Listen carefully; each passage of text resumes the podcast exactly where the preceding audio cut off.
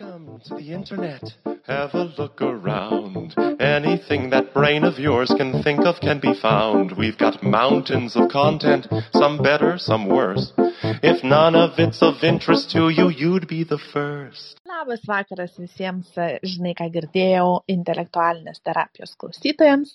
Ir šiandien vėl esame su jumis mes, Jėva ir Vytautas, ir esame jums paruošę dvi temas, kurias ir pabandysim pristatyti.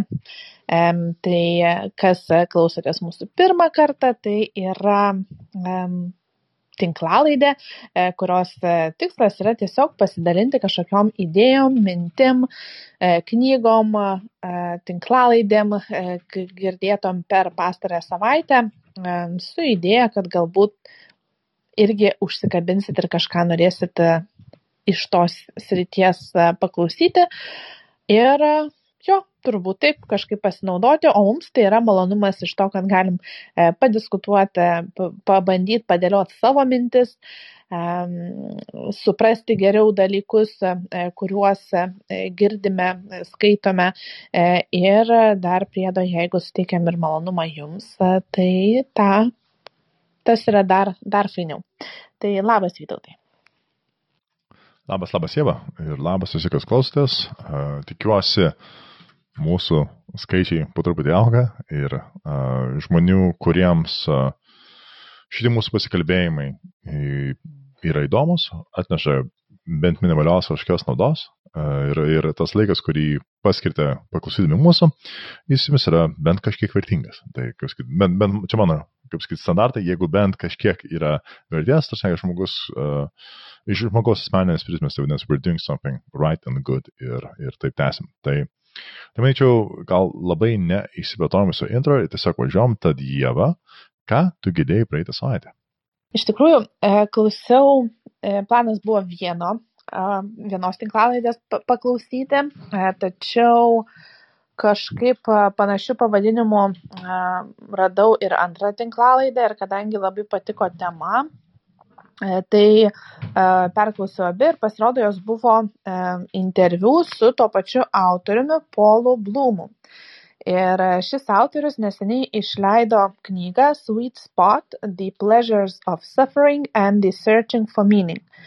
Tai saldusis taškas, kentė, kančios malonumai ir prasmės paieška. Knyga iš tikrųjų yra ir yra apie tai, apie ką ir sako pavadinimas. Ir kaip pats autorius minėjo, kad iš pradžių um, jisai galvojo ją pavadinti kentėjimo malonumai. Tačiau uh, tada, berašydamas tą knygą, suprato, kad uh, na, tai nebūtų visai tikslus e, pavadinimas. Viena, kad kentėjimas e, teikiantis malnumą, apie kurį jis išneka, tai čia turima minti pasirinktas kentėjimas, e, tai nėra e, kalba apie, pavyzdžiui, e, kentėjimą, kurio mes negalim išvengti, kur kažkokie praradimai, lygos, skausmas, kurio tu negali pasirinkti, bet esi priverstas kentėti. Tai ne, ne apie tokį kentėjimą, o labiau apie tą malonumą teikiantį kentėjimą. Ir ir, ir tiksliau mūsų pasirenkamą malonų kentėjimą, Ir kitas dalykas, kad e, viena iš tokio, e, to, to, tos kentėjimo formos, kada mes jį pasirenkam, e, tai buvo įvardinta, kai mes renkamės kentėti tam, kad mūsų gyvenimas turėtų daugiau prasmės. Ir na, tas kentėjimas toks pankamai stiprus žodis yra, bet kaip pavyzdys, na, pavyzdžiui, kad yra pasirinkti pasirinkti rašyti kiekvieną dieną po dvi valandas e, tam, kad parašytum knygą. E, o knyga šiuo atveju vat, yra ta veikla, kuri teikia prasmės. Arba pasirinkimas e, nenutraukti santykių dėl to, kad matai e, iškilus kažkokiam konfliktui ir spręsti tą konfliktą, turėti nemalonius pokalbius e, dėl to, kad santykiai teikia prasme, jų palaikymas. Tai va, tai e, pati e, knyga, jinai analizuoja, tokia gal yra labiau ne tai, kad kažkokius atradimus e, pristatyti, bet labiau tokias bendrasias žmogiškasias patirtis aprašyti, kaip mes, kad nors ir gyvendami malonumų visuomenėje, visgi kartais renkamės sąmoningai kentėti. E, ir ten yra aprašomos įvairios nemalonumų formos, kaip ir, ir tas pats nuobodulys, e, ir skausmas, e, ir um, kažkokio praradimo skausmas arba nemalonių emocijų išgyvenimas, tie patys siaubo filmai, tai irgi yra kažkokia va tokia na, kentėjimo tarsi forma. E, tai va, dar viena tokia mintis, kurią autorius, e, kuri man taip užsikabino, kad skausmas plus, e, kad kentėjimas tai yra skausmas plus e, mm, mūsų, galvoju kaip lietuviškai pasakyti, suvokimas arba mintys, plus mintys, ne?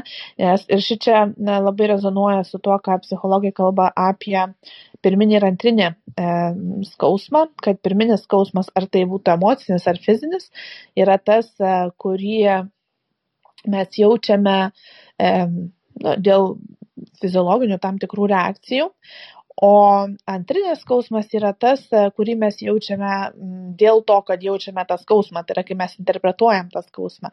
Ir jeigu pavyzdžiui skauda galvą nu ir tiesiog tu jauti kad skauda galvą tas nėra malonu bet nu dirbi ar užsiemi prastom veiklom kiek gali tai tu jauti skausmą bet jeigu tu pradedi interpretuoti tą skausmą apie jį daug galvot kaip pavyzdžiui kodėl man skauda kiek čia man dar skaudės nu kodėl būtent šiandien pradėjo skaudėti nu kiek galima už ką man taip ir panašiai tai vat visos tos mintys jos sukelia tą jau tada prasideda kentėjimas. Ir kaip klientams savo sakau tai tada turi skausmą kvadratu tas pats galioja ir įvairioms e, kitoms emocijoms. E, ne tik fiziniam skausmui, bet ir emocijoms. Ar tai būtų nuobodulys, ar tai būtų liūdėsys, nerimas, kai mes pradedam mm, kažkaip save grauž dėl to, kad mes nerimaujam, grauž save dėl to, kad liūdim, tai tada tas liūdėsys ar nerimas e, padvigubėja.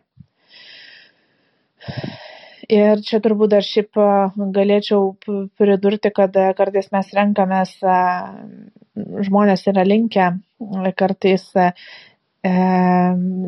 mieliau patirti fizinį skausmą negu emocinį.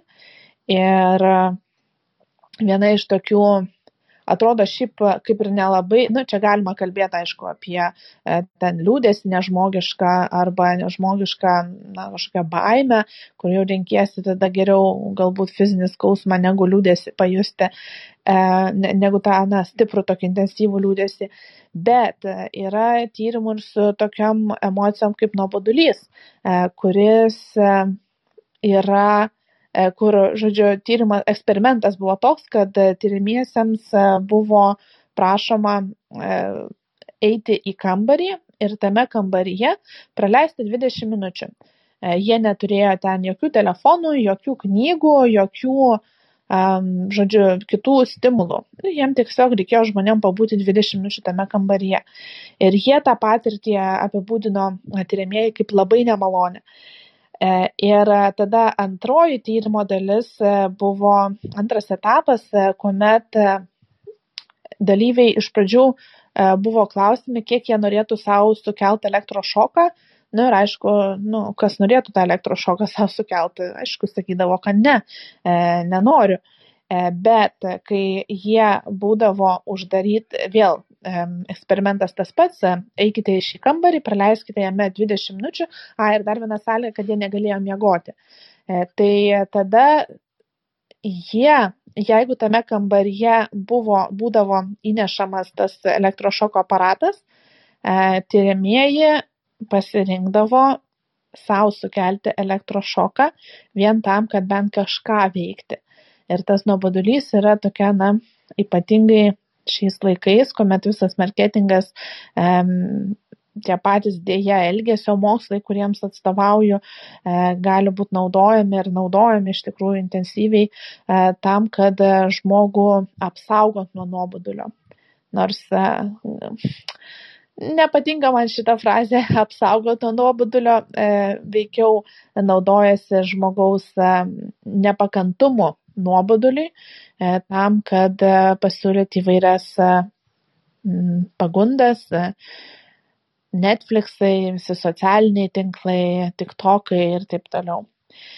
E, dabar taip galvoju, kad šiek tiek kalbėti pradėjau visiškai, nukrypau šiek tiek ne į tai, į ką planavau, e, nes mano ta mintis, iš tikrųjų, tas podcastas ir tų knygų, tos knygos aptarimas, na, labai, labai daug visokių minčių sukėlė. Ir čia galima ir apie vertybės kalbėti, ir apie skausmo formas, e, čia galima ir apie mazochizmą kalbėti, e, ir, ir, ir apie tą patį nuobodulį.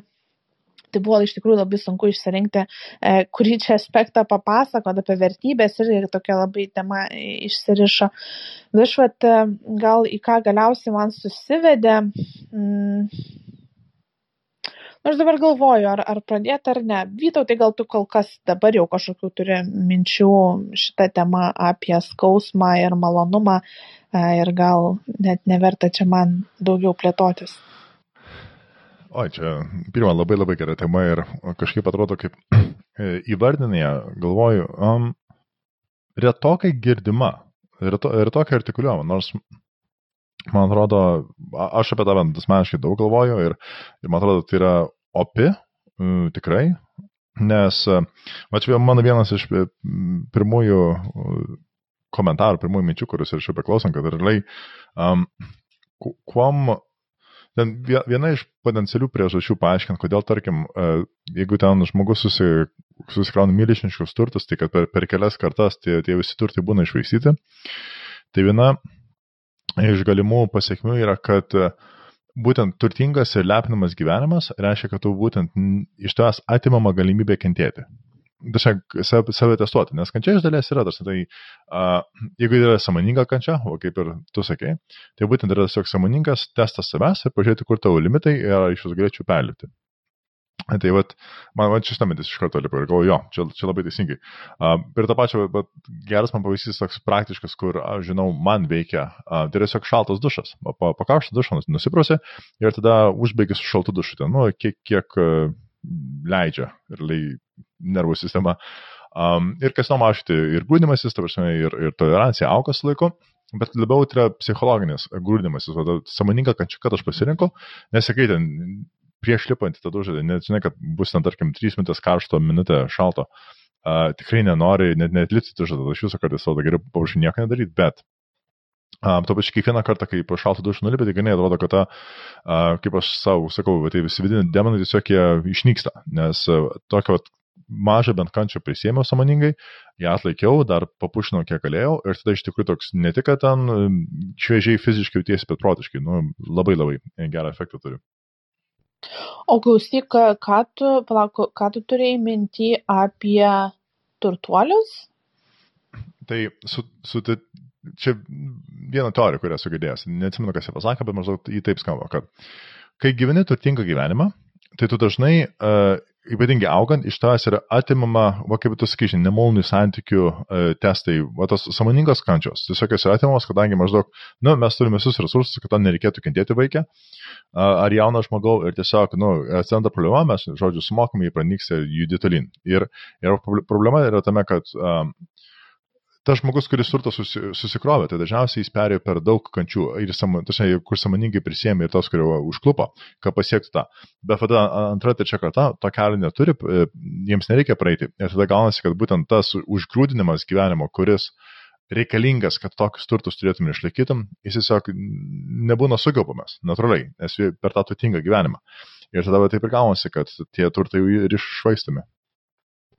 Hmm. Aš tai dabar e, kažkaip prisimenu tiksliai tos pasakos, e, net kartosiu, bet e, kur yra ta mm, pasaka apie ar, ar filmas, bet ne, man atrodo, kad tas atėję yra net ir filmas yra, bet atėję iš pasakos, kur turtuoliai su turtuolis nusprendžia apsikeisti vietomis su vargšu ir pasižiūrėti, koks tenais tas gyvenimas. Čia ir būdos yra ta istorija, kad jis gyveno labai laimingą gyvenimą, visko buvo aptekęs, tačiau vieną dieną, nu, kažkur jam vis būdavo smalsu, kaip ten tie žmonės gyvena. Ir jisai tada nusprendė išeiti į žmones pasivaikščiot, pasižiūrėti, kas ten vyksta apačioje ir e, koks yra tas paprastų e, eilinių žmonių gyvenimas. Ir, na, ir jis tada pamatęs, kiek kančios jie išgyvena, atgal pas save nebegrįžo. Um, tai, nu, hmm, aš suprantu, kad tu turi minti, kad e, apie tai, ko netenka tie turtuoliai, kurie jau gimė turtingais, bet kad jie mažiau kančios patiria, nu, nebūt, nu, tarsi, kad nu, pinigai jie gali nuo materialinių kančių, nuo fizinių kažkokių kančių apsaugot, bet turbūt nuo tų pačių santykių, nuo mm, prasmingumo, gyvenimo prasmės klausimų, nežinau, ar jau taip gali suvest, kad pinigai tą padeda išspręsti problemą. Ai, sutinku, čia mano pointas yra, kad einant iš, nu tarkim, jeigu tautoji vargšatos paimant dvi, dvi grupės, tai vargšų gyvenimas nuo pat pradžių grūtina. Tai tai yra maisto nepritiklis, tarkim, gali būti ir darbas, ir ilgos valandos, ir kas tai bebūtų. Ir vadinasi, net tada nuo mažens pas tavai yra pastovus testas realybės, ant kiek tu esi stiprus žmogus. Ir tas, dažnai, tarkim, per pirmus 10, 15, 20 metų, kiek tai bebūtų, užgrūtina asmenybę, nori to nenori. E, o kai turtingas gyvenimas yra livat visas tas grūdinimas, o šitas per tą, tą samoningą kančią, jis yra labai labai sumažinęs. Ir paskui gaunasi taip, ateina laikas su tokiam kertinės klausimams, kaip, kaip jūs skaičiai, ten ar santykiai nepaina, ar, ar tas gyvenimo prasmės e, ieškomas. Žinoma, ir, ir tai yra, tarsi, sudink klausimai ir visi nuo jų, nes niekas nuo jų nesam pabėgę. Bet mano pointas yra, kad, vat, kadangi tos, kad gyvenimas buvo minkštas, Tai vadinasi ir galimai pasiekmėje tas žmogus būtent nėra pasiruošęs tom kančioms, o tas žmogus, kuris jau gyvena, yra grūdintas kančios.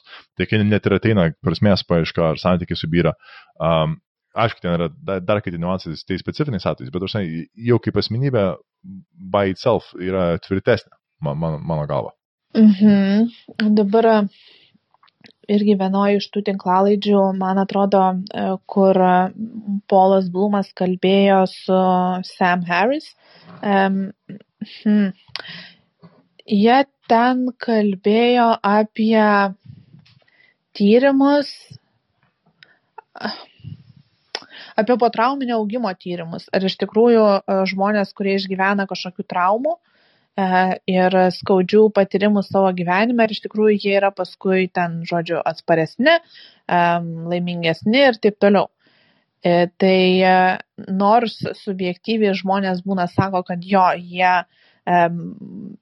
paaugo po savo traumas, kas man beje nauja buvo, e, kad jo, čia iš tikrųjų aš čia sustiprėjau ir čia mano gyvenimas daugiau prasmės įgavo ir taip toliau, kad e, objektyviai vertinant, e, nu, nelabai kažkokių pokyčių tenais įvyksta. Ir kad ta trauma visgi, nu, jinai ten labai kažkokio gyvenimo nepakeičia iš esmės. Kitas dalykas, ką jie lygino, tai yra, ar, nu, ne tie, ne, ne, ne tie kurie podcastą kalbėjo, tinklaldai kalbėjo, bet kurie šiaip tyrimus šitos atliko, e, tai man atrodo, gal ką ne mano čia, nu, bet dabar bijau sumeluoti, pasakojo apie tai, kad yra optimalus kiekis kentėjimo, va tų kažkokių skaudžių patirčių, kuri um, leidžia, kuri paskui lemia, kad tokie žmonės, kurie va tų kažkokių trauminių įvykių patyrė, e, jie yra empatiškesni, e, jie yra labiau linkę kitiems padėti, labiau būti atjaučiantys ir šiaip nu, labiau vertinti gyvenimą. E, ir kad jei, tačiau jeigu tų kančių, kažkokių skausmingų patirčių yra per mažai arba per daug, tai tada e, visi, tas, e, visi tie privalumai, kaip po empatija, užjautimas kito žmogaus gyvenimo vertinimas, įvert, nu, pastenkinimas gyvenimo, jie yra labiau į neigiamą pusę. Jo, jo, čia man irgi logiška. Aš apie panašiai, pan, panašiam linijam galvočiau prieš kelias dienas, kad Vat irgi apie įvairius tyrimus, kurie psichologijos, ypatingai gal sociologijos, e, labiau iš to prizmės mačiau. Ir čia tiesiog mano visiškai tokia hipotezė, bet man atrodo, kad didžioji dalis, e, kaip sakyt, elgesio jo, galima sakyti, didžioji dalis elgesio e, galima, būt, apie, galima apibūdinti kaip funkcija, kaip S funkcija. S funkcija tai yra, kai yra e, kažkoks, tarkim, plius minus pastovus lygis apačioj, paskui yra toks kaip ir pakilimas ir tada vėl e, platuma kažkokiam aukštesniam lygiam. Nu, tokia kaip ir tokia gulšė SRD atrodo, tai ta funkcija. Ir, nu, pavyzdžiui, va, stresas, mano galva, nu, čia iš, tarkim, iš fizikos pusės, jeigu įimi mechaninį stresą, objekto. Tai labai dažnai irgi tokia, ten būna priklausomai nuo savybių, ar tai vėlgi komisijam turi išimčių, bet aš ten grubiai irgi tokia, tokia S, S formą turi, kad realiai yra, yra kažkoks krūvis, kurį tu gali priimti ir jokio efekto neturi, paskui yra krūvis, kurį tu paėmė ir gali grįžti, paskui yra krūvis, kuris jau pakeičia į, tarkim, tą um, sesą, tarša, pakeičia mechaninės savybės, kai negrįžta, bet dar nesulūšti, paskui jau, kad sulūšta. Ir, ir aš galvoju, kad man atrodo, kad labai daug yra dabar analizė daroma va, štai S kreivį, tiesiog kažkuriam skirtingam lygmenį. Ir va, kažkaip gal trūksta tokio vien, vien, vientiso sudėjimo. Ir matau, tiesiog tie žmonės, kurie dažniausiai, man atrodo, šneka apie e, va, tą tokį ieškojimą viduriuko, duodant pavyzdžius, kas, nu, kas nukrypsta, kai į vieną pusę per daug nueini, kas į kitą. Dieva tai turbūt ačiausiai bandavo tą, kaip sakyti, S kreivės tą vidurį, tą um, pokyčių lygmenį parodyti ir kad visa gyvenimo dinamika iš dalies vat, tenais įslypi. Um, bet vat, apie daug dalykų tą galvoju, nu, kad vat, galimai taip, jeigu bandyčiau grubiai sudėlioti, atrodo ganėtinai limpa. Ir va, ką tu skai su e, tais išgyvenimais, būtent jeigu ten per daug kančios, tai man lygiai tas pats, nes jeigu per mažai kančios, tai aš žinau ir ką, nieko, aš atlaikiau, aš man nieko nedavė pokyčio. Bet jeigu yra, o jeigu per daug, tai palūšti, sulūšti, tai aš nekai būtent ar lenta, ar kas tai bebūtų, ar uh, bet, bet koks kietas mechaninis dalykas. Ir, ir tada jau taip, vėlgi tu esi sulūžęs, tačiau kam tau turėti jokios auditos, nes, tačiau, niekas tada lyg, nu, ten gali, aišku, kaltinti, kad niekas nepadėjo, kai, ta, ta, ta, ta. Bet būtent tas ieškojimas to centro ir tai tos, um, tos, tos kreivės, kaip skita, um, ištempimas, atrodo, ko mes norim siekti, būtent grūdinami save su samoninga kančia iš dalies. Na, bet čia tokia visiška mano hipotezė, tai čia galbūt visiškai nusišneku dabar. Jo, man tai visą laiką uh, faina išgirsti pavyzdžius uh, iš tų tokių praktinių apčiopiamų dalykų, kaip pavyzdžiui, um, kažkokių e, kūnų vat, lenkimas ar net tie visi fizinis tas stresas, apie kurį fizikai kalba. Tai mm, tokios visą laiką apčiuopiamesnės, apčiuopiamesnės metaforos, ne? Um, žiūrėk, klausyk, o kodėl tu eini į tą šaltą dušą? Kam tau, vat, kodėl žmogus uh, turėtų norėti savo sukelt kažkokį kentėjimą? Aš, kaip ir sakiau, čia tiesiog samoningas kančios pasirinkimas, mažos kančios, kurią aš galiu toleruoti, nors kurios tai to, to dalyko nenoriu daryti. Ir tai yra, vadinasi, kaip sakyt, realiai grūdinu čia tinka abiems ir šiandien, bet paimsiu kitokį žodį. Aš stiprinu save šitą vietą, kad kai gyvenime atsiras dalykų, kuriuos aš nenoriu daryti, kad pas mane e, aš treniruočiau savo um, elgesio grandinę, iš to pasės, nu ir ką, nenori tai, bet vis tiek, jeigu aš nusprendžiu, kad darysiu, tai darysiu. Kad pat aš tą atjungti ir kažkaip tokie paprasti, aiškus dalykai, kurie turi aiškiai čiapamą efektą, yra efektyviausi. Čia aš taip plius minus prisimetęs, kad tiesiog aš savo esu Pavlovo šuo, aš ir Pavlovas ir šuo ir tiesiog stengiuosi identifikuoti um, tokius mechanizmus, kuriuose aš galiu įtaką kažkokią turėti Ir tada tave save tai dresuoti, treniruoti. Ir va tas įimas tuštą tą ir funkciją turi. Tiesiog, kad tai man, aš to nėra, kad noriu, dažnai, kad nėra, kad tai malonu, um, bet aš žinau, kad nauda, nauda man yra jau iš paties, nes tą kelis metus, o dažnai buvau labai pastoviai daręs, biškai dabar mažiau vėl dabar įsivažiuoju. Tai, kad fizinė ir emocinė nauda yra milžiniška, o va, tiesiog va, tai yra tada tas toks uh, psichologinio silpnumo uh, stiprinimas, realiai. Ir, ir čia vienas iš paprasčiausių dalykų man. Ir padeda? Milžiniškai, milžiniškai. Tačiau ypatingai, realiai, grubiai tariant, taip, kad jeigu, tarkim, iš ryto tą, nes ne, ne kiekvieną dieną tą, darau, bet jeigu, tarkim, iš ryto nuėjau po dušo, tai aišku, neįsivaizduoju, kaip tą pamatuot, bet bendras jausmas yra, kad tą dieną mano veiksnumas ir veiksmingumas darbų ir našumas tikrai yra drastiškai didesnis.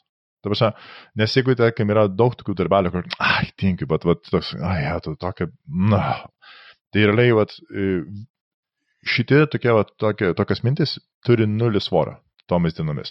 Nes sako, aš jau maždaug iš šito, nu jau tokį kalną nuverčiau, mažą, bet pasirinktinai ne, nemalonu. Ir tada, nu ir ką, čia tai, visi tie tokie, tokie būtent um, silpnybės mintys, jie tiesiog nebeturi savo svorio. Kažkaip tą dieną visiškai jas deaktyvuoja. Hmm, nu įdomu, ar čia yra subjektyvus toks e, e vertinimas, e, nežinau, gal kaip, kaip, nu gerai, nu gal iš tikrųjų. Nu, okay. Šaltų dušant tyrimų nemažai yra padaryta iš fiziologinės pusės ir iš emocinės berots irgi yra, um, bet iš emocinės dabar negaliu atsiminti tiesiog tyrimų, bet iš, iš fiziologinės tarsi naudos yra daug, daug, daug padaryta ir rodo, kad ten iš tikrųjų yra uh, mm. visapusiška nauda, tai ten kaip skai rekomenduojama šitą. Mm. Hmm, nu, va šičia gal viena iš tų išvadų, kurią šiandien ir būčiau sakius, jeigu būčiau šnekėjus savo originalų variantą, kurį galvojau, tai iš esmės, kad nu, tai, ką tu darai, tai tu biškiai eini prieš tokią kultūriškai labiau paplitusią nuostatą, jinai gal ne visai pas visus sąmoninga yra, kad reikia malonumo siekti, o kančios vengti. Ir tokios nemalonu, jeigu kaž, nu, pavyzdžiui, hmm, nu tokia, netgi man gal tas labiausiai e, iš išryškėja, kai kalbė e, su medituojančiais, e, kurie vat, ateina į medituoti ir nori išmokti medituoti ir kažkurio metu tas pasidaro, pradeda daryti sunku, neįdomu, nuobodu ir tada aš jiem pasakau, mm, vat, jau tam kuriam laikui pradėjus, praėjus nuo pamokų pradžios, kad meditacija neturi patikti, kad jinai veiktų ir duotų kažkokią naudą. Ir paprastai šita mintis visą laiką bent keliems žmonėms tokios biški akis atveria. Ir nuėma tokį kažkokį, kaip sako, biški akmuo nuredėjo nuo krūtinės, nes sako, aš galvau, kad, nu, man meditacija nemaloni, tai aš ir galvau, kad gal aš kažką čia blogai darau. Ir meditacija yra ne man. Bet jeigu jinai ir neturi būti maloni, hm, nu tai gal čia tada viskas tvarkoja ir aš galiu medituoti. Tai va čia tas toks mm, kultūriškai labai yra formuojama apie tai, kad mums turi patikti dalykai ir jeigu nepatinka, tai tada, nu, vadinasi, čia yra ne man.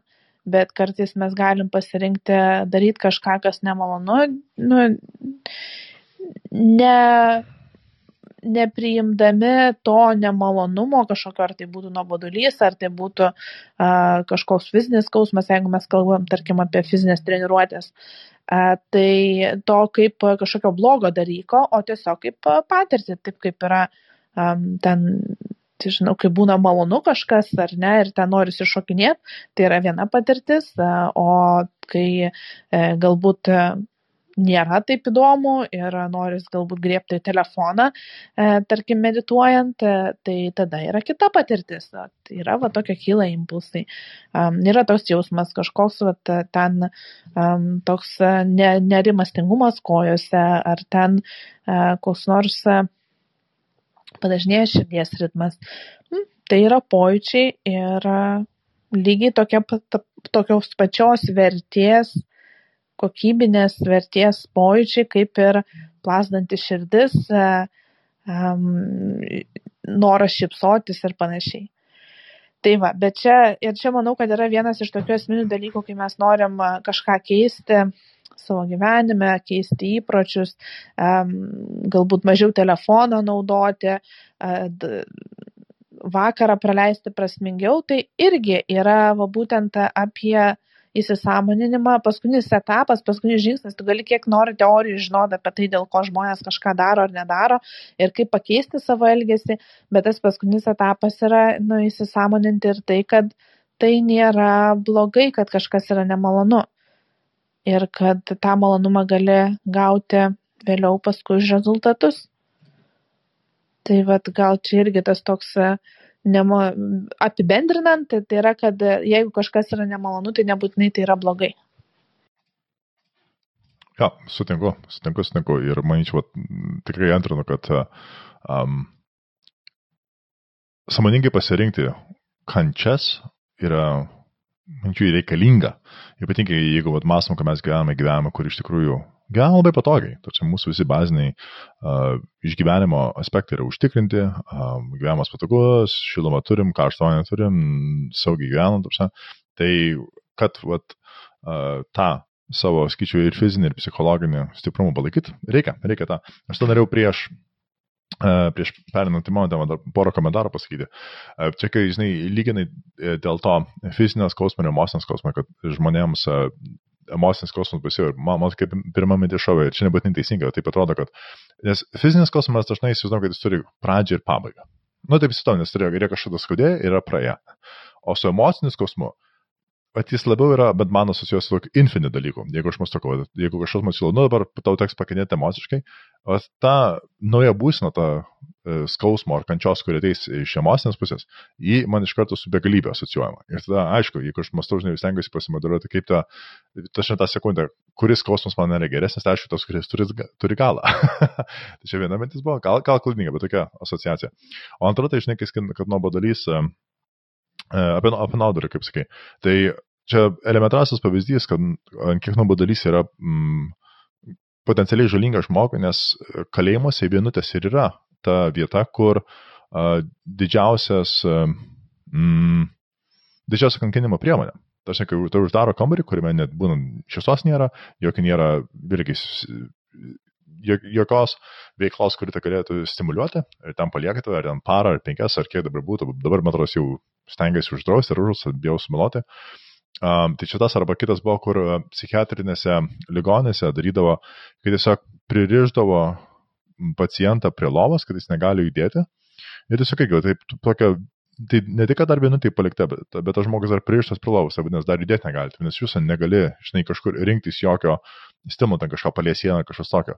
Tai tas, nu, šitas tai tikrai uždraustas jų ten Ženevos konvencijos, kad yra prieš, dažnai antižmogiška, bet utirliai, nes ką, ką šitas priemonės daro, būtent tiesiog jos uh, tiesiogiai apeliuoja į tą žmogaus nuobodumo uh, nepatogumą. Mhm.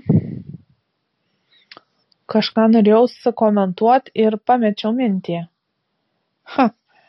Um, apie fizinę kančią ir emocinę kančią, ar tu minėjai, kad tai yra mm, primink, pačioj sakė apie emocinę ir fizinę kančią. Tai man ta idėja, kad vat, kai aš modeliuoju apie fizinę kančią, kuri turės ateiti, tai aš įsivaizduoju ir, ir pradžią, ir pabaigą. O su emocinė, bet aš galo negaliu lik susimuliuoti tą sekundę. Jo. Dėl to man vat, mhm. emocinė kančia iš karto asociuoja su begalybė, su infinite e, kančia, nors nebūtinai tik bus, bet vat, taip yra. O e, su fizinė, vat, to nėra. E, jo, nu, šiaip nežinau, ar hmm, nu, fizinė kančia, jinai irgi, tai yra fizinis skausmas, jisai irgi e, nėra laikė apibrieštas. Nežino, pavyzdžiui, tie, kurie migreną turi, nežino, kiek ta migrena truks, arba, pavyzdžiui, kurie kenčia nuo lėtinio skausmo, irgi tas skausmas, jisai tos neturi pabaigos.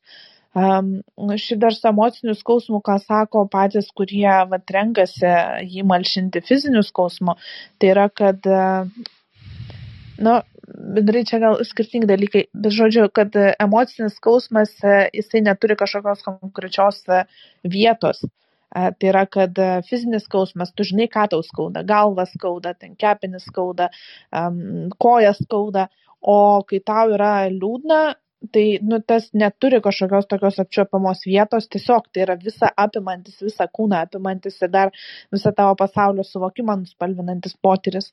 Um, ir tame tas vat bet tas irgi yra neapibrėžtumas kurį tu įvardini kuris yra labai nemalonus.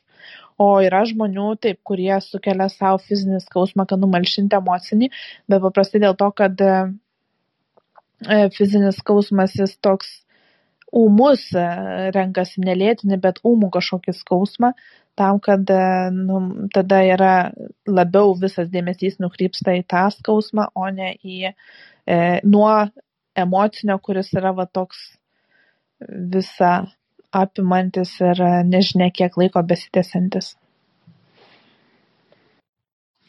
Ja, ja, sutinku. Čia gal irgi iš dalies atrodo, kad vat, su fiziniu skausmu tu turi truputėlį daugiau kontrolės e, dažnai, negu su, neaišku, ne visada, bet dažnai, dažnai, negu su emocinės. O būtent emocinės tai yra um, daug sunkiau apčiopiamas, kaip sakai, tiesiog daug, daug sunkiau apibrėžiamas dalykas. Kas kaip pasmė mažiau kontrolės turintis, tai vadinasi, kaip pasmė daugiau nežinomybės, vadinasi, dar tai yra baisesnis dalykas psichologiškai, bent kaip aš suprantu. Mhm.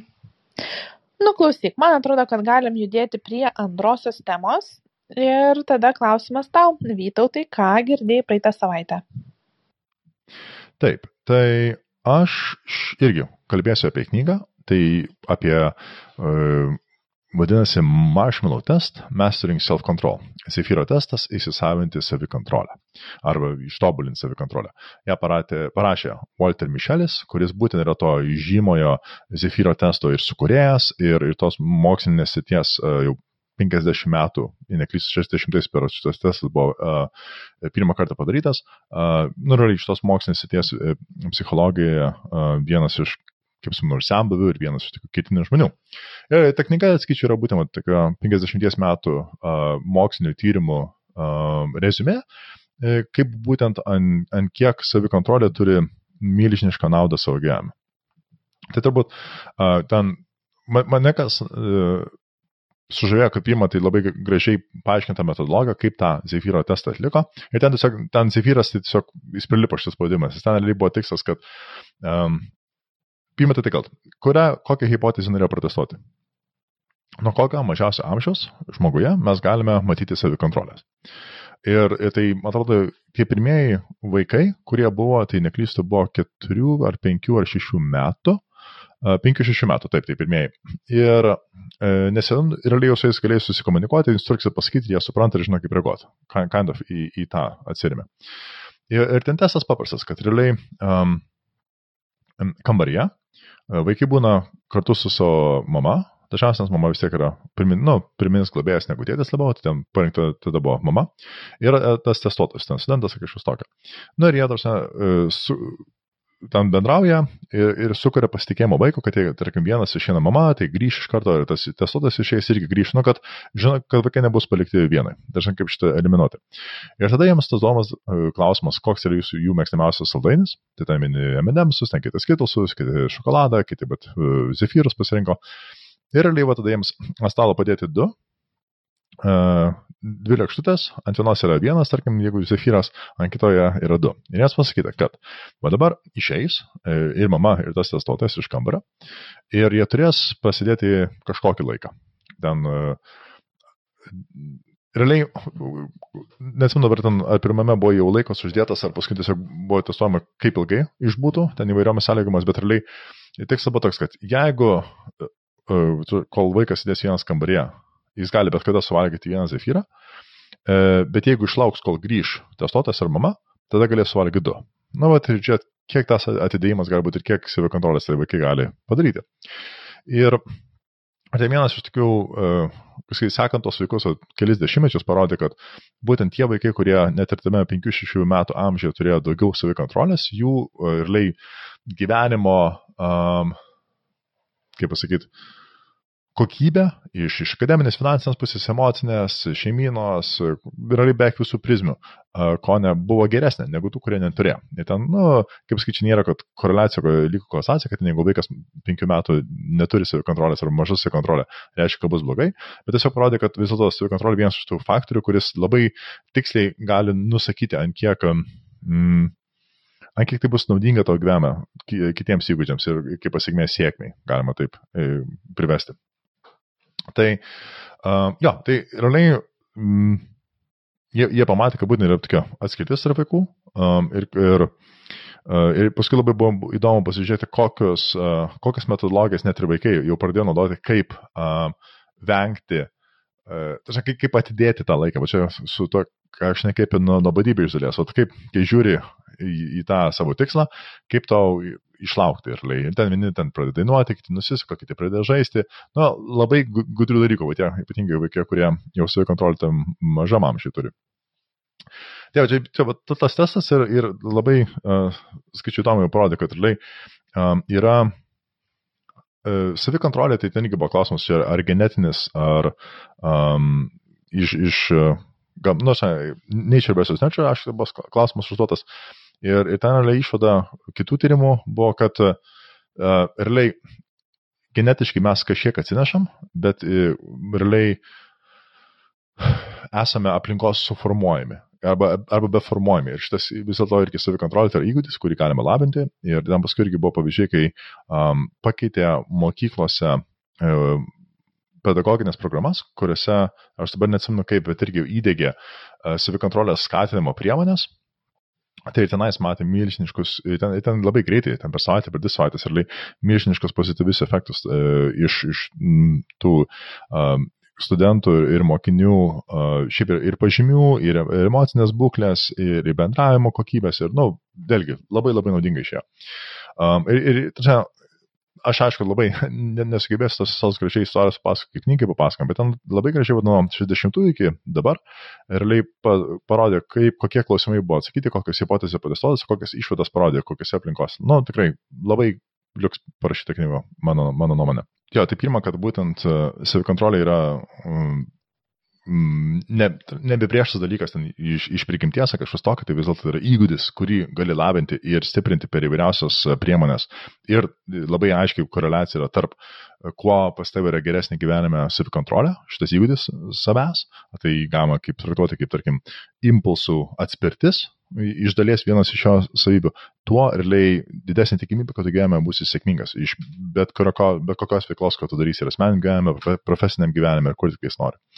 Čia pirmas tas dalykas, antras, kad vat, ta savikontrolė tai irgi nėra universali maždaug savybė, kad jeigu aš esu, turiu gerą savikontrolę, tarkim, darbo aplinkoje, vadinasi, aš ją visur turiu. Ne, taip irgi nėra. Ir vat reikia irgi tą labai būti budriam, kad savikontrolės įgūdis labai priklauso nuo aplinkos, kurioje tuo metu esi ir kokie impulsai jie yra. Kaip, nu, ten irgi, tarkim, būna, kad atrodo, žmogus darbe yra, uh, nu, vėlgi, ir disciplinos, ir orumo, tarkim, pavyzdys, o namuose muša žmona ar vaikus ar kažkas tokio. Nu, kaip pavyzdys. Ir vat reikia tada ir pačiam identifikuoti, kuriuose uh, vietose pas tave uh, yra um, kokiuose sąlygose tavo savikontrolė yra gera, kuriuose bloga ir kokiuose pasinalizuoti, kaip gali pasigerinti, galima taip sakyti. Ir trečias punktas buvo, kad čia siejama knygoje su kognityvinė elgesio terapija, kad jeigu nori ugdyti savikontrolę, tau reikia pirmą identifikuoti, kokies, kokioje aplinkoje, kokie triggeriai būtent tau sukelia e, tuos impulsus, kurių nebegali kontroliuoti. Na, ten, tarkim, pavyzdys buvo, kad vieni vaikai, jie praranda savikontrolę, kai kažkokia autoritetinė figūra jiems kažką pasako, kiti praranda kontrolę, kai um, draugai kažką blogo pasako, o, tarkim, atviršiai situacijose visiškai gali save išlaikyti. Tai būtent yra siūloma, kad vat, panalizuoti savo gyvenimą, kad, tarkim, kokiose aplinkose esi linkęs prarasti savikontrolę, idealiai identifikuoti, kas toje aplinkoje tau, tai yra impulsai, kurių um, ar triggeriai, kurių tu negali uh, ignoruoti jau privalai, uh, kaip sakyt, instinktyviai juos reaguoti. Ir tada tas toks if ten. Gali jau, tai jau pradėti dirbti tą kognityvinę elgesio terapiją, kad maždaug, jeigu tas įvyks, aš tada darysiu taip, o ne kitaip. Sakyt, nu, primint save ir ruošti. Nu, čia, čia gal vėlgi, jie ja, pati galėsite geriau apie kognityvinę elgesio terapiją pasako, bet, nu, va, principas tas, kad realiai identifikavus tiksliai triggerius, nuo kurių prasideda, problemą tu gali jas ir išspręsti. Ir, ai, beje, paskutinis dalykas, dar vat, norėjau tą knygą, kas man iš dalies kaip ir akivaizdu, bet labai gražiai išartikuliavo, kad um, ten buvo irgi tyrimai padaryti, ar žmonės yra linkę gauti kuo daugiau informacijos ar kuo mažiau. Ir ten pavyzdys buvo, kad jeigu, tarkim, aš atinu pas dantistą ir dabar man, aš galiu pasirinkti, tarkim, ar man papasakos kiekvieną procedūros etapą, ką daro, kaip daro, kodėl daro, ar aš kaip tik man paprašysiu, kad nieko nedarytų, ar tai turi skirtumą. Ir ten pasirodo, jo, yra žmonės galima taip grubiai į dvi grupės suskirstyti, be štai pavadinu, bet realiai būtent vieniems kaip tik reikia uh, emociškai, kad būtų jiems paaiškinta viskas, tada jaučiasi ramiau, o kiti kaip tik nori, būti, nori gauti kuo mažiau informacijos, kadangi emocijos e, perteklius kaip tik jiems e, sukelia stresą, nes jie pradeda jų laki fantazija gali būti ar su nežinomybės baime ir įsivaizduoti kaip tik e, tos dalykus, kas nebūtinai vyksta ir susikels stresą, ir atvirkščiai vyksta tie žmonės, kurie nori informacijos, jeigu jiems nėra sakoma, kas daro, jie tada irgi pradeda savo įsivaizduoti, kad čia kažkokius blogus dalykus daro ir vėlgi sukelia stresą. Tai ten irgi buvo e, gražus eksperimentas, kad tiesiog, tarkim, atėjus pas dantistą, e, pacientai gavo e, apklausas užpildyti, ten aišku, netiesioginės, tarsi, bet, bet ir likas sugebėtų identifikuoti, kurio žmogaus tipas yra. Ir tada tas dantistas atliko ta, ta visa procedūra buvo būtent pritaikė.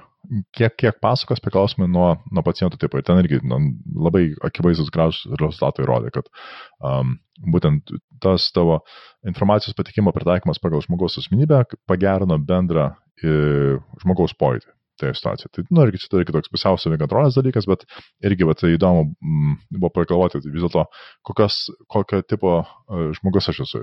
Paskui pamačius, man atrodo, aš esu tas, kur aš noriu informacijos. Ir man, kaip būna irgi, atrodo, jį slepiama man, aš pradedu įtarti, kad tie žmonės arba aš jiems čia neįdomus, arba jie kažką tyčia slepia, nu ir vat, to, tos mintis pradeda kurtis. Tai. Gerai. Um, tai, tai va, knyga, dar kartelį, tai yra Zephyro testas, kaip um, ištobulinti savikontrolę, galima sakyti. Um, Walter Michel yra ją parašęs. Tikrai rekomenduoju, labai malonus skaitilas. Ir uh, čia nėra kažkoks self-help bookas, tiesiog tai yra būtent mokslinio žmogaus karjeros 50, 50 grubiai metų uh, graži santroka su išvadomis, su patarimais. Uh, ir jo, jo, tikrai rekomenduoju, smagi, smagi knyga. Geras, šiaip turiu ir aš tą knygą, pas save gal net galvoju lietuvišką turiu, o gal ne. Pamenu tik tai, kad oro uoste kažkuriam pirkau e, ir skaičiau skrisdama lėktuvu, bet tada atsirado malonus pašnekovas šalia ir aš tos knygos taip ir nebaigiau skaityti, bet jinai vis dar yra mano lentynoje. Ir e, tikrai e, paprastai tas e, Zefyrų testas yra pristatomas va tik tai su ta viena informacijos dalimi apie tai, kaip jiems sekėsi ateityje akademiniuose pasiekimuose ir panašiai. Tačiau tie tyrimai nu, tikrai čia nebuvo pagrindinė e, išvada, e, būtent tie akademiniai pasiekimai ar sėkmė e, verslė santykiuose ir kitose srityse. Ir va tas apie strategijas, kokias strategijas galima taikyti, kad um, išlaikyti savikontrolę. E, tai irgi yra labai labai reikšminga tų tyrimų dalis. Ir įdomu, kad iš vat, vaikų, kurie tą daro labai taip instinktyviai, ne, nepasiskaitę knygų, kažkokių galima tikrai labai daug ko išmokti. Um, tai va. Ir tos jo tų trigerių identifikavimas nu, tai yra labai svarbus, nes tu identifikavęs, kas e, tave, kas išprovokuoja tavo kontrolės praradimą e, ir kuriuose srityse tos savikontrolės pas tave trūksta, jau yra lengviau tada galvot, kaip tos trigerius galima pašalinti. Um, dabar bandau sugalvoti nu čia tų tų būdų gali labai strategijų įvairių būti. Um, pavyzdžiui tas pats e, gal man kas e, iš asmeninės patirties artimiausia ateina apie saldumynų nevalgymą tai e, gali būti būdas vieniem galbūt išvalyt savo spinteles jeigu trigerina saldumynų buvimas namuose, ar ne, tai pašalinti visus saldumynus iš, iš namų. Mane, mano trigeris būdavo, ha, netgi pašalinus visus, nu aš negaliu visų išvengti saldumynų aplinkui, nueini kur nors į kavinę ar ten pas draugus ir va tau e, saldumynas guli arba parduotuvėje pro lentynas praeini. Tai mano trigeris būdavo noras, e, tas toks nu tikrai noras va to saldumo. Tai e, tas pakeitimas vienas buvo e, įrankis e, rasti pakaitalą, kas dar gali suteikti tą saldumo pojūtį ir taip atsirado racione daugiau vaisių. Kitas būdas tai buvo toks labai kognityvinis, priminti savo, dėl ko aš tų saldumynų nebenoriu valgyti. Tai tikrai mm, ir ta įdomi mintis, kad e, skirtingose sritise nėra žmonių tokių universaliai labai jau tokių aukštos savikontrolės, e, kažkur tas vis tiek išlenda. Bet man įdomu, jeigu pradedi lavinti savo savikontrolę vienoje srityje, ar jinai tada didėja ir kitose srityse. Nujaučiu ne, vis tiek kažkuris galas turi pasileisti. Hmm. Nu, nes tas atitiktų visai tą teoriją, kad e, tu gali vienoje srityje turėti savikontrolę, kitoje ne. Tai vadinasi, jeigu tu vienoje stiprini, tai tada nebūtinai kitose stiprės ta savikontrolė. Nu, aš čia su savim pasišnekėjau. Vytau, tai kaip tau atrodo? Aš manau, e, kad yra tas variantas, kai tu yra bazinis lygis, kuris kyla ir vadinasi, kaip sakyt, bet kokioj aplinkoje esant, tu atsineši tą įgūdį, tačiau jeigu yra įskaitinė aplinka, kur būtent yra trigeriai, kurie išprovokuoja tavo elgesį daug stipresni už tavo savikontrolę, tai tada jis tiesiog, kaip sakyti, um, čia nekai būna žaidime, tas yra, tarkim, polimo korta ir gynybos korta. ir, ir, tarkim, tu gali turėti savo ten kažkokį šarvo, tarkim, 10 šarvų uh, ir, tarkim, pas tavai ten didžioji aplinkoje priešų pas tavai ten su 5 atakos vaikšto ir tu tiesiog visus atmažai ten pamiršti apie jų skausmą ir paskui ateina bosas, kuris su 20 atakos tos tavo 10 šarvus nukapoja. Ir man atrodo, kad būtent tas su savikontrolė tada jau žiūri, kaip tau pristaikyti va tose unikaliuose ar įskaitinėse savo situacijose, bet bendras, manyčiau, savikontrolės mm, įgūdis vis tiek. Ir, ir reik knygų tą ir sako, nes kadangi ne, ten, nepaisant to, kok, e, kokį kelią žmogus pasirinko gyvenime po to, e, vat, nu, testuojant tos vaikus nuo penkių metų. Nesvarbu, iš kokios aplinkos jie yra atėję.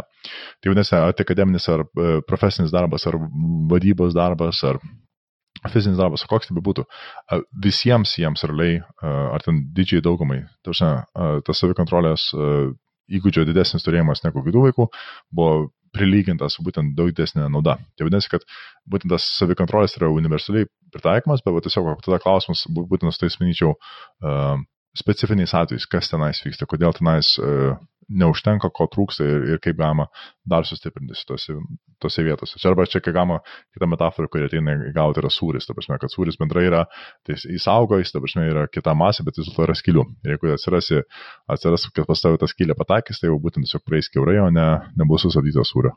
Žinai, aš dar, kažkaip, prisiminiau man kažkada pusbrolio žmona siuntė e, straipsnį, būtent e, irgi ten buvo minimas Mišelio šitas eksperimentas.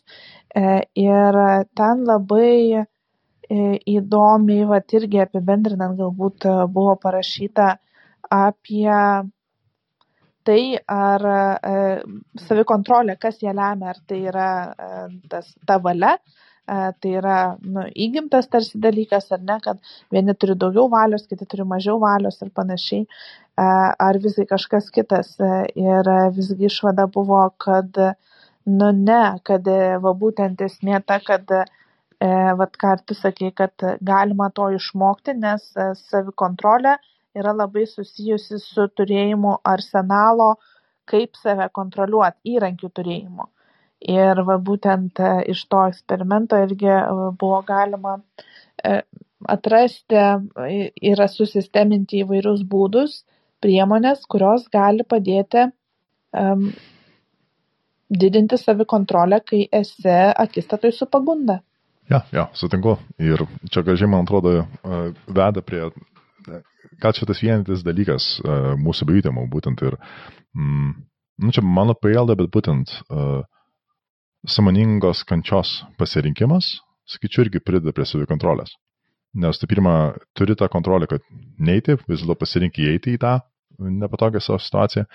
Ir ne tik, kad ją įeiti, bet ir išbūti kiek, nu, kiek esi apsibrėžęs, kiek gali, ar kažkokį specifinį laiką. Ir tai vadinasi irgi tą kontrolę, savikontrolę kaip ir ūkdai, man atrodo, šitą įgūdį uh, vienai per kitaip. Ir, mm, na, tai yra vienas iš būdų ir, manyčiau, skatinu visus nepabijoti būti nepatogiose situacijose. E, tiesiog aišku įsivertinti, kad netaptų traumomis, ar netaptų situacijas, kur tiesiog paskui jau žala yra negryžtama, bet save grūtinti ir fiziškai, ir psichologiškai yra ypatingai, ypatingai svarbu. O žinai, man tai toks e, truputuką pastaruoju metu peršasi mintis, kad gal nereik visiems čia save grūdinti. Ir, e, nu, gal neturėtume sakyti, kad visiems to reikia, nes yra žmonių, pasirodo, kurie visai sėkmingai gyvena tuo vat, malonumo principu, e, darau, kas man patinka, kas man įdomu ir čia jeigu man ne, nepatinka, tai aš nesivarginu ten kažkaip kankintis ir kam čia vaikščioti ten. Um, kam čia ten sveikiau maitintis, kam čia sportuoti ar kitaip save kankinti, jeigu tos veiklos jos nėra malonios, tai kodėl aš jam turėčiau užsimti. Ir jiem taip yra gerai. Ir kas tada mes tokie, kad aiškintume jiems, jog jie turėtų kažkaip kitaip gyventi. Ir gal labiau ta žinutė yra skirta tiems, kurie kankinasi negalėdami pakeisti kažkokių savo įpročių arba vis bando, nori ten ir gyventi sveikiau, ar um, knygą parašyti, ar um, mažiau laiko praleisti socialinėse medijose e, ir jiems nesiseka. Ir va tada, kad čia yra keli dalykai, kuriuos galima atsiremti. Visų pirma, e, vienas požiūris yra, kad na, kiekvienas naujas, kiekviena nauda turi ir savo kainą ir tą kainą mes renkame sumokėti, kad tą naudą gautume, net jeigu tai yra kažkokio malonumo kaina, kaip atsisakyti mėsainio Kitas, kitas aspektas yra va, tas, kad dalykai neprivalo būti malonus, kad juos darytume. Ne apie ką aš kalbėjau. Ir tas trečias dalykas tai yra, kad įrankiai yra, kuriais galima pasinaudoti ir žiūrėti, kas silpina mano savikontrolę ir kada aš labiausiai esu linkęs ar linkusi pasiduoti impulsams ir kas tą išprovokuoja bei kaip galėčiau to išvengti, kokie įrankiai galėtų padėti man tą padaryti. Tiesa, bet čia turbūt mūsų nuomonės įsiskirs, nes aš asmeniškai žiūriu taip, kad um, fizinio ir protinio grūdimosi nauda būtent yra reikalinga tiesiog bendrai stipresnei asmenybei. O stipri asmenybė vadinasi, ką gali pakelti didesnę kančią, didesnius iššūkius gyvenime, ar tai ten nereiškia, kad kažkokios karjeros slaptis, bet savo šeimoje, savo draugų rate. Ir, ir tai, manyčiau, yra daug geresnis kelias gyvenimui, būti kuo stipresniam kaip gali. Ta yra įžymioji um, Aš, man atrodo, japoniška šitai yra patarlė, kad geriau būti kariu sode, o ne sodininku kare. Ir man atrodo, man šitą patarlė tinka ir patinka ir man, man, atrodo, man atrodo, joje yra daug tiesos toje vietoje. Tačiau, tas žmonių, kurie mėgosi gyvenimo hedonistų, taip, aišku, visą laiką buvo, antikos graikai buvo, bet aš um, nežinau, kokią didžiulę nežinau, dažnai jiems tas gyvenimas kažkurio laiko yra geras, taip, bet aš nežinau kaip ilgam, ar tai yra sustainable, ar tai ilgainiui veikia, ar ne, nežinau. Taip pat, gal čia irgi mano iš asmenės pusės, kad, tarkim, tie žmonės, kuriais aš laikau savo akimis stiprius, sėkmingus, nu, jie visi tą mm, save grūdina, save augina pastoviai, jie pasirenka iššūkius, ar tai nuėjame darbe, ar nuėjame veikloj, ar būtent hobėse, kad vėlgi save testuotų, save augintų, save stiprintų. Ir aš gal tiesiog žiūriu vieną iš tų vertybių, kurie atrodo, vėlgi, stiprus žmonės tada gali nu, nuveikti daugiau negu silpni žmonės, fundamentaliai. O ar tai reiškia, kad negali būti silpnų žmonių? Ne. Ar tai reiškia, kad reikėtų skatinti žmonės stiprėti, kiek jie gali? Manau, taip. Ir jo, tai nes, nežinau, man, man hedonizmas ant popieriaus nuostabiai skamba, bet man atrodo, čia tiesiog yra, kai tau reikia atostogų, nuostabiai skamba, bet tarkim, uh, kaip aš mastau, tiesiog, nu, na, aš ten tam gyvenimo malonumas, okei, okay, bet tai kaip ilgam? Nu, metus, penkis, dešimt, nu gerai, o kas tada? Atsikeli iš pagirių ir tai galvoju, ah, šito, ką tada? Kažkaip ne, ne, nematau tokio konstruktyvaus gyvenimo kelio, uh, bent gal žiūrint į savo prizmes. Uh, pasiekoje hedonizmo tai. Na, bet tai tu kalbė apie save, apie savo vertybės, apie tai, kas tau svarbu ir, um, žinai, ar žmogus, va būtent žmogus turi teisę būti, nežinau, aš nemanau, kad jisai vadin, įvardintų save silpnu. Čia yra um, tavo vertinimo skalė, kad va tokie žmonės yra silpni, kurie renkasi hedonizmą. Uh, bet galbūt čia, nu, nežinau, čia, čia turbūt jau filosofinė diskusija, kaip ten yra. Uh, bet uh, žmogus net nelabai, tiesą sakant, tokie žmonės ir mūsų neklauso. Esu tikra. ir kad žmogus, jeigu jisai nenorės e, kažko keisti, stiprėti kaip asmenybė, e, kažkokių aukštesnių tikslų siekti, e, tai sakyk jam, ką nori, jisai staiga ne, ne, neužsimanys to. Turi ateiti kažkoks momentas, kuris arba ateis arba ne kad žmogus pats pradėtų galvoti, kad hm, gal aš norėčiau kažko daugiau iš gyvenimo negu vien ten vat, tie tokie eiliniai paprasti malonumai, bet ir norėčiau kažkokį produktą sukurti ar panašiai.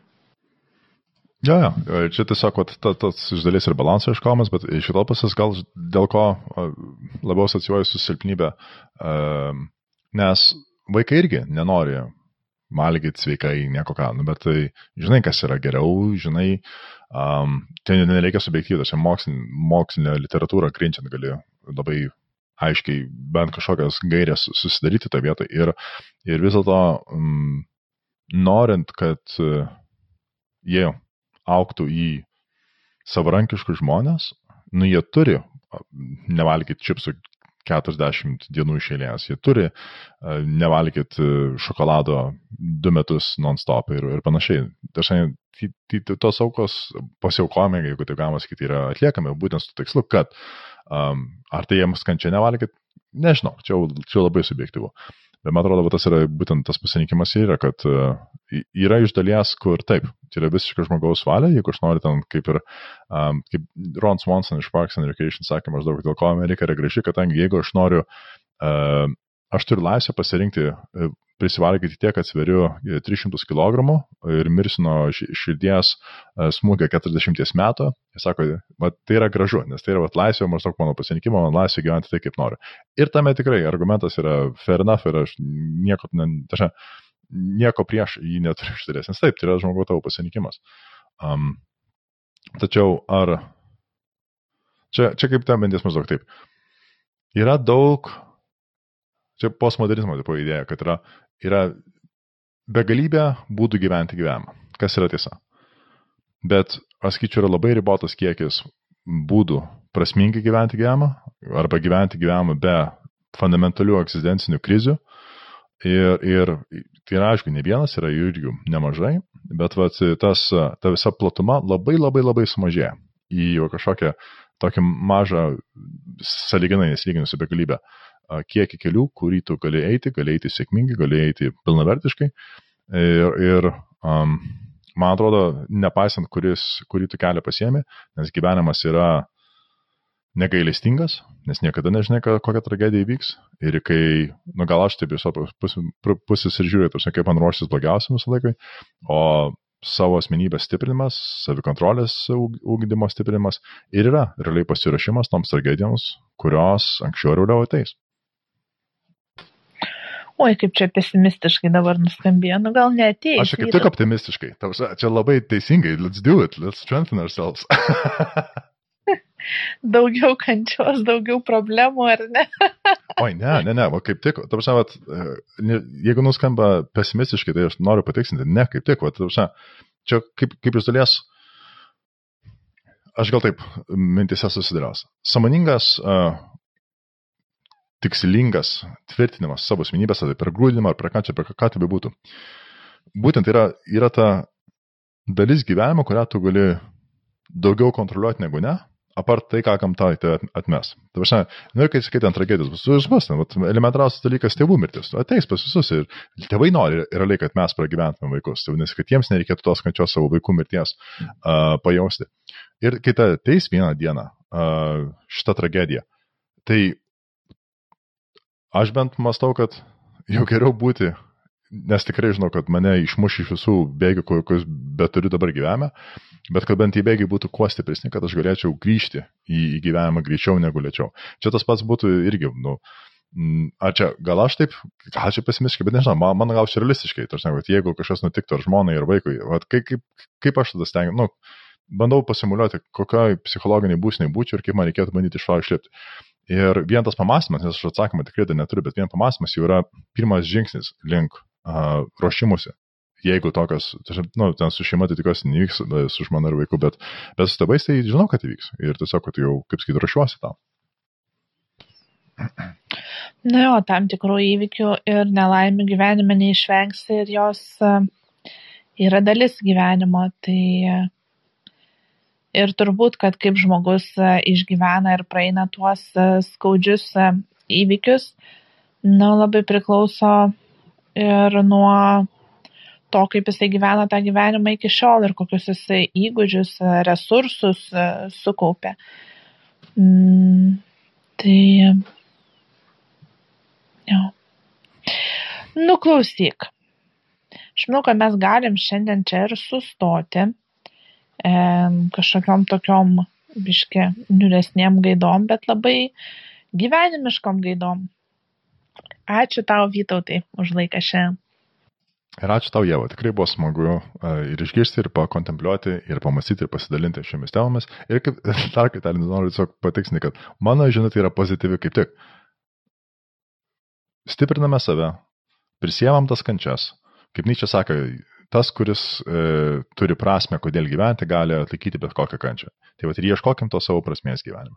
Ir tą darykim proaktyviai, o nelaukime, kol vieną dieną dangus nukris ir tada užreikės, dabar žiūrėti, kaip statytis gyvenimą. Tad mes visi turim tos kontrolės daugiau ar mažiau ir kiek jos mažai gal kartais bet turime, bet net ir joje galime nuveikti daug daugiau dalykų, negu mums dažnai atrodo. Tad aš kaip tik skatinu visus e, nebijoti į prisimti va, tą tą kančios džiaugsmą, kabutėse, um, ir, ir, ir gyvenimą eiti kaip tik, kuo stipriau. Visa. Iki. You have to live in the world to get to the truth.